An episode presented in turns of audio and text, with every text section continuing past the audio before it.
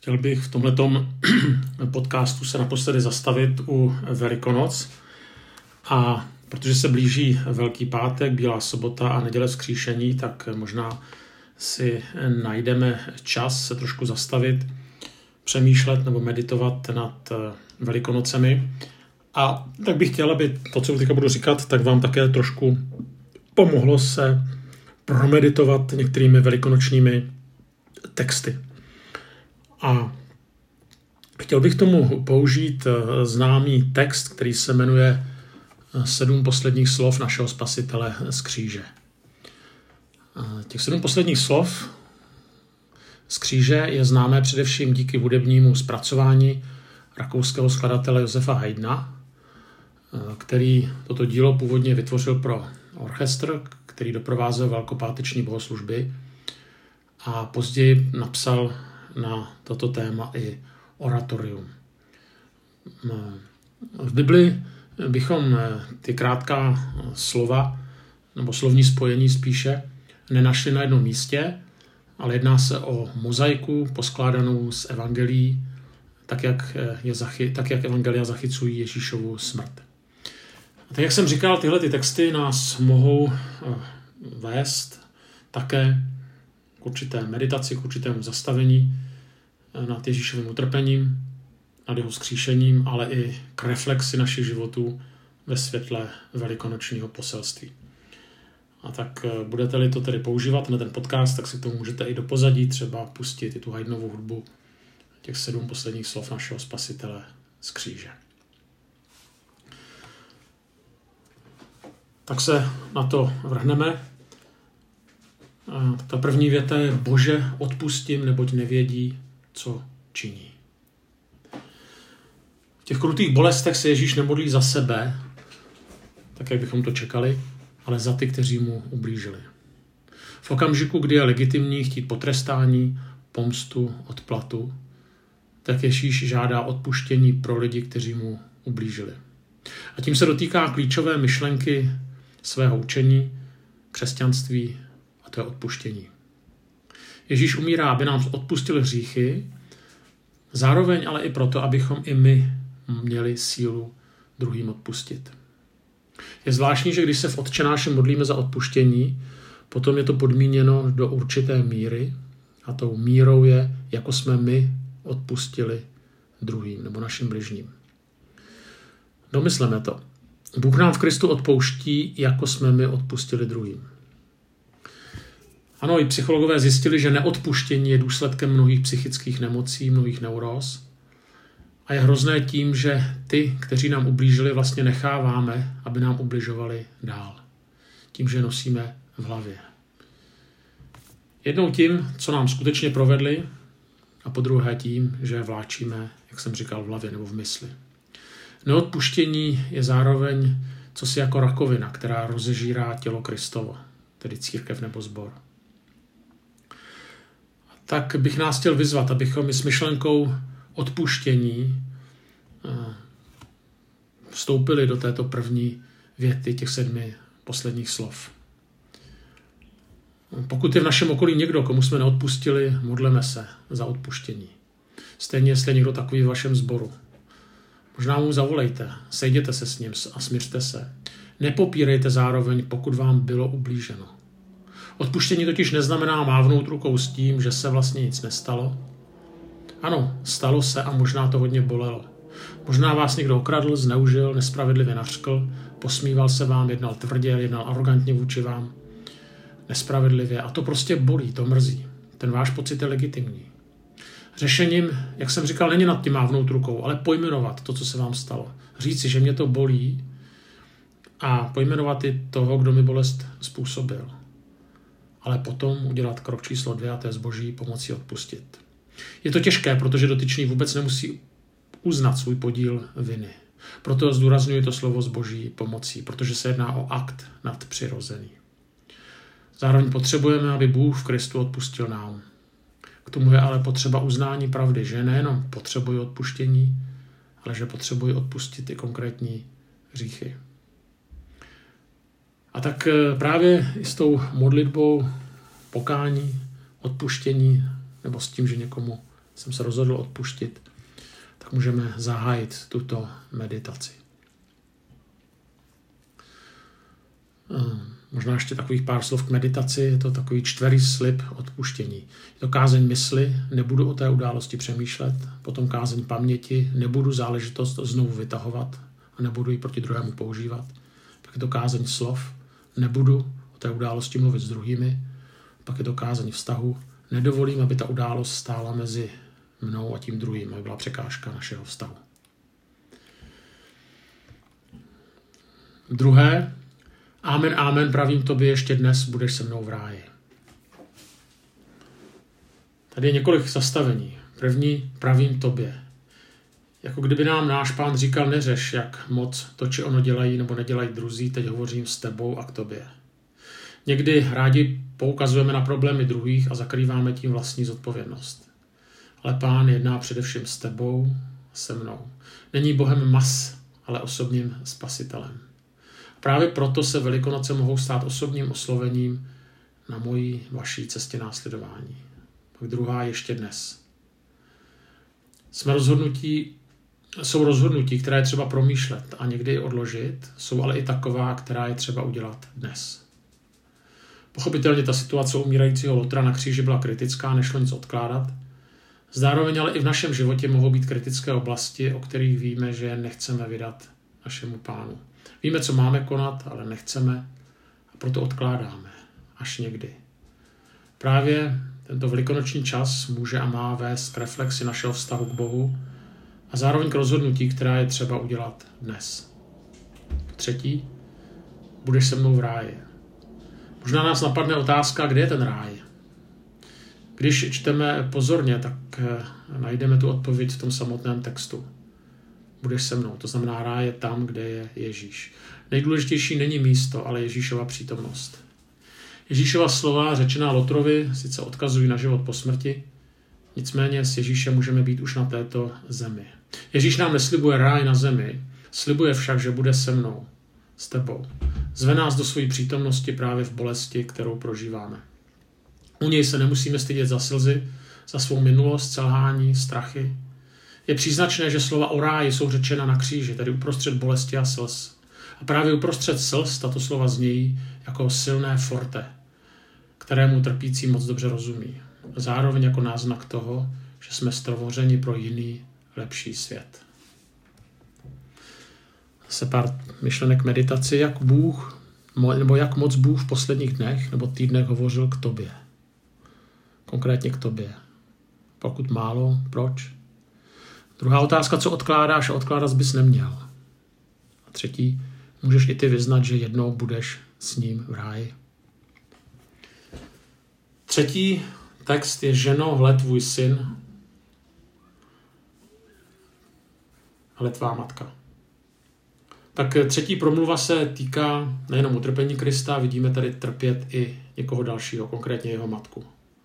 Snad se tady naplňuje proroctví vyřčené Simeonem v Lukáši v první kapitole. Hm, řečeno Marii, i tvou vlastní duši pronikne meč. Marie netrpí fyzicky, trpí však její duše při pohledu na trpícího syna. Této větě se kloubí utrpení milionů matek, které v utrpení přiváděly své děti na svět, aby mnohé z nich jednou viděli, aby mnohé z těch matek jednou viděli i své děti trpět. Dokonale, naprosto dokonale to vystěl Karel Čapek v knize Matka. Ta maminka říká, já měla taky svou slávu a to už jste byli vy. A tam se myslí synové. Já měla svůj domov a to jste byli vy. Já měla svou službu a to jste byli vy, vy, vy.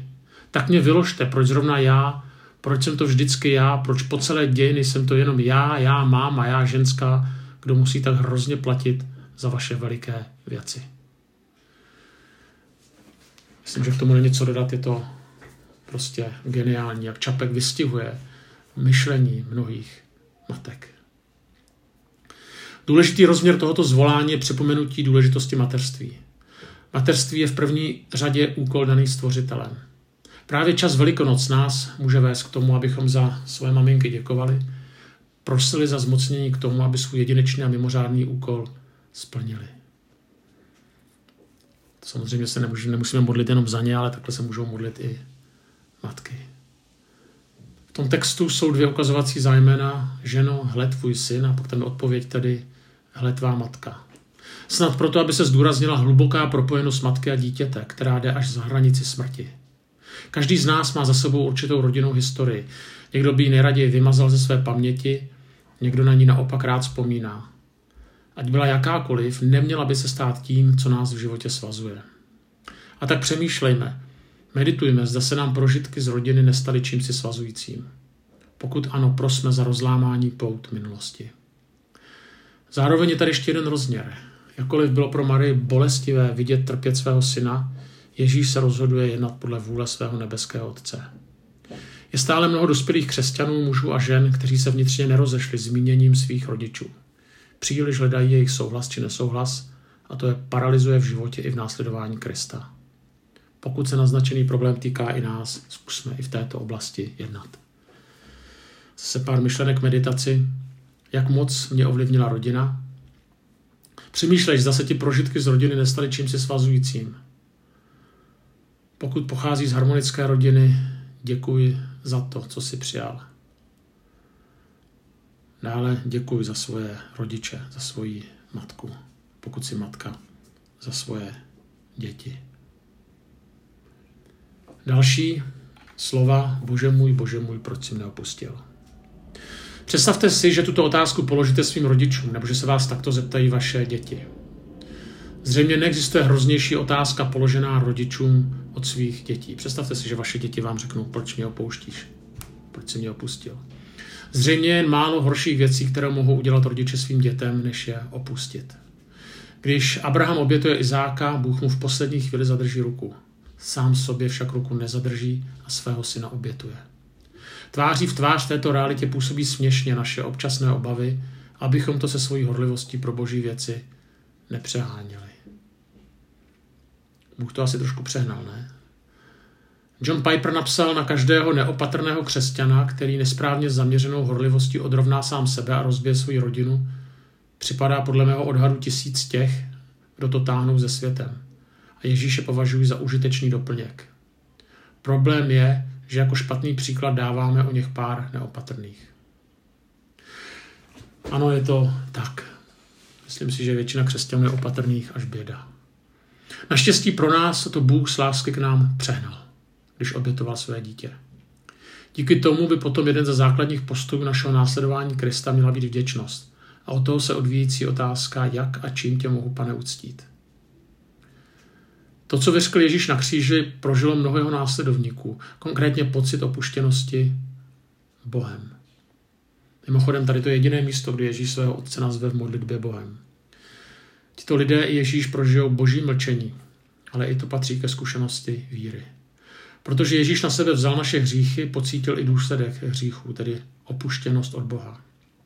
Jeho výkřik na kříži není výkřikem mysli pomatené bolestí, ale konstatováním skutečnosti zapříčiněné našimi hříchy. Hřích nás odděluje od Boha a cestou zpět je pouze pokání. Tak bych nás chtěl se pozbudit v tomto velikonočním čase k přemýšlení, zda nějaký hřích nestojí mezi námi a naším nebeským Otcem a zda se právě proto necítíme od něj opuštění. Zda jsme vydali všechny oblasti svého života pod jeho vládu. V meditaci jeden text. Utište se, vše je v pořádku, jsem tu, nebojte se, svět už není v rukou zlého, ale milujícího pastýře. Nakonec bude vše, jak má být. Nic vám nebude ubližovat do nekonečna. Žádné utrpení není na věky. Žádná ztráta není trvalá, všechny porážky jsou pouze přechodné, žádné zklamání není definitivní. Už nás nic nerozdělí. Ani v životě, ani ve smrti. Není nic, co by nás mohlo oddělit od boží lásky, která se nám zjevila na kříži. Ještě otázky, jak si na tom ze své horlivostí v následování Krista, u čeho ti nejvíce hoří srdce, neodděluje tě něco od nebeského Otce. Další Ježíšovo slovo je žízním.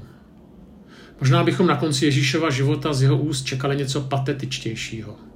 Neznamená proto Ježíšovo žízním vyjádření duchovní žízně? Určitě ne. Ježíš vyřkne žízním, protože má fyzickou žízeň. Tímto téměř posledním slovem proneseným z kříže ukazuje na Ježíš na svoji zranitelnost, kterou na sebe dobrovolně bere, když se zříká božských podst a stává se člověkem. Jako by nám zde bylo sdělováno, že Kristus sestupuje do prostřed našeho žízním, do našich zápasů, fyzických bolestí i nezodpovězených otázek. Zároveň vidíme, že žádná z těchto otázek, která někdy vypadá přízemně, pro něj není nesmyslná a banální. Velikonoce se mohou v kontextu tohoto výkřiku stát výzvou k našim zvoláním, či vyjádřením toho, co skutečně nosíme v srdci, co nás bolí a trápí. A tak můžeme meditovat nad tím, po čem nejvíce žízním, čeho se nejvíce obávám, kde hledám nejvíce utišení žízně a kde jsem nejzranitelnější. Další je dokonáno. Tato slova vyřkl muž, který měl v uvozovkách to nejlepší ještě před sebou. Bylo mu teprve 33 let. Jak někdo takto mladý může říci, je dokonáno? Buď proto, že se mu vymkl život z rukou a on skončil na popravišti a proto nic jiného říci nemůže. Nebo proto, že co měl na této zemi vykonat, bez zbytku vykonal, splnil, dokonal. V případě Krista patří to, no platí to druhé. Splnil vůli svého otce. A přesně o to v životech jde. Můžeme dělat mnoho věcí, investovat do hodně oblastí, ale z hlediska věčnosti mají jenom malou cenu. Smyslem života se může stát úsilí co nejvíce vidět, stihnout, vydělat, zažít, zajistit rodinu. Na tom není v zásadě nic špatného, pokud to není smyslem života. Ta lepší cesta je úsilí naplnit bož, vůli Pána Boha s tím, že vše ostatní mohu mít, ale nemusím. Že ze vším ostatním nestojí ani nepadá mu život. Pán Ježíš svým dokonáno jest ukazuje, že pouze to druhé má smysl. Protože nikdo jednou, jednou nikdo z nás nebude litovat, že toho více nestihl, neviděl, nekoupil, nevydělal.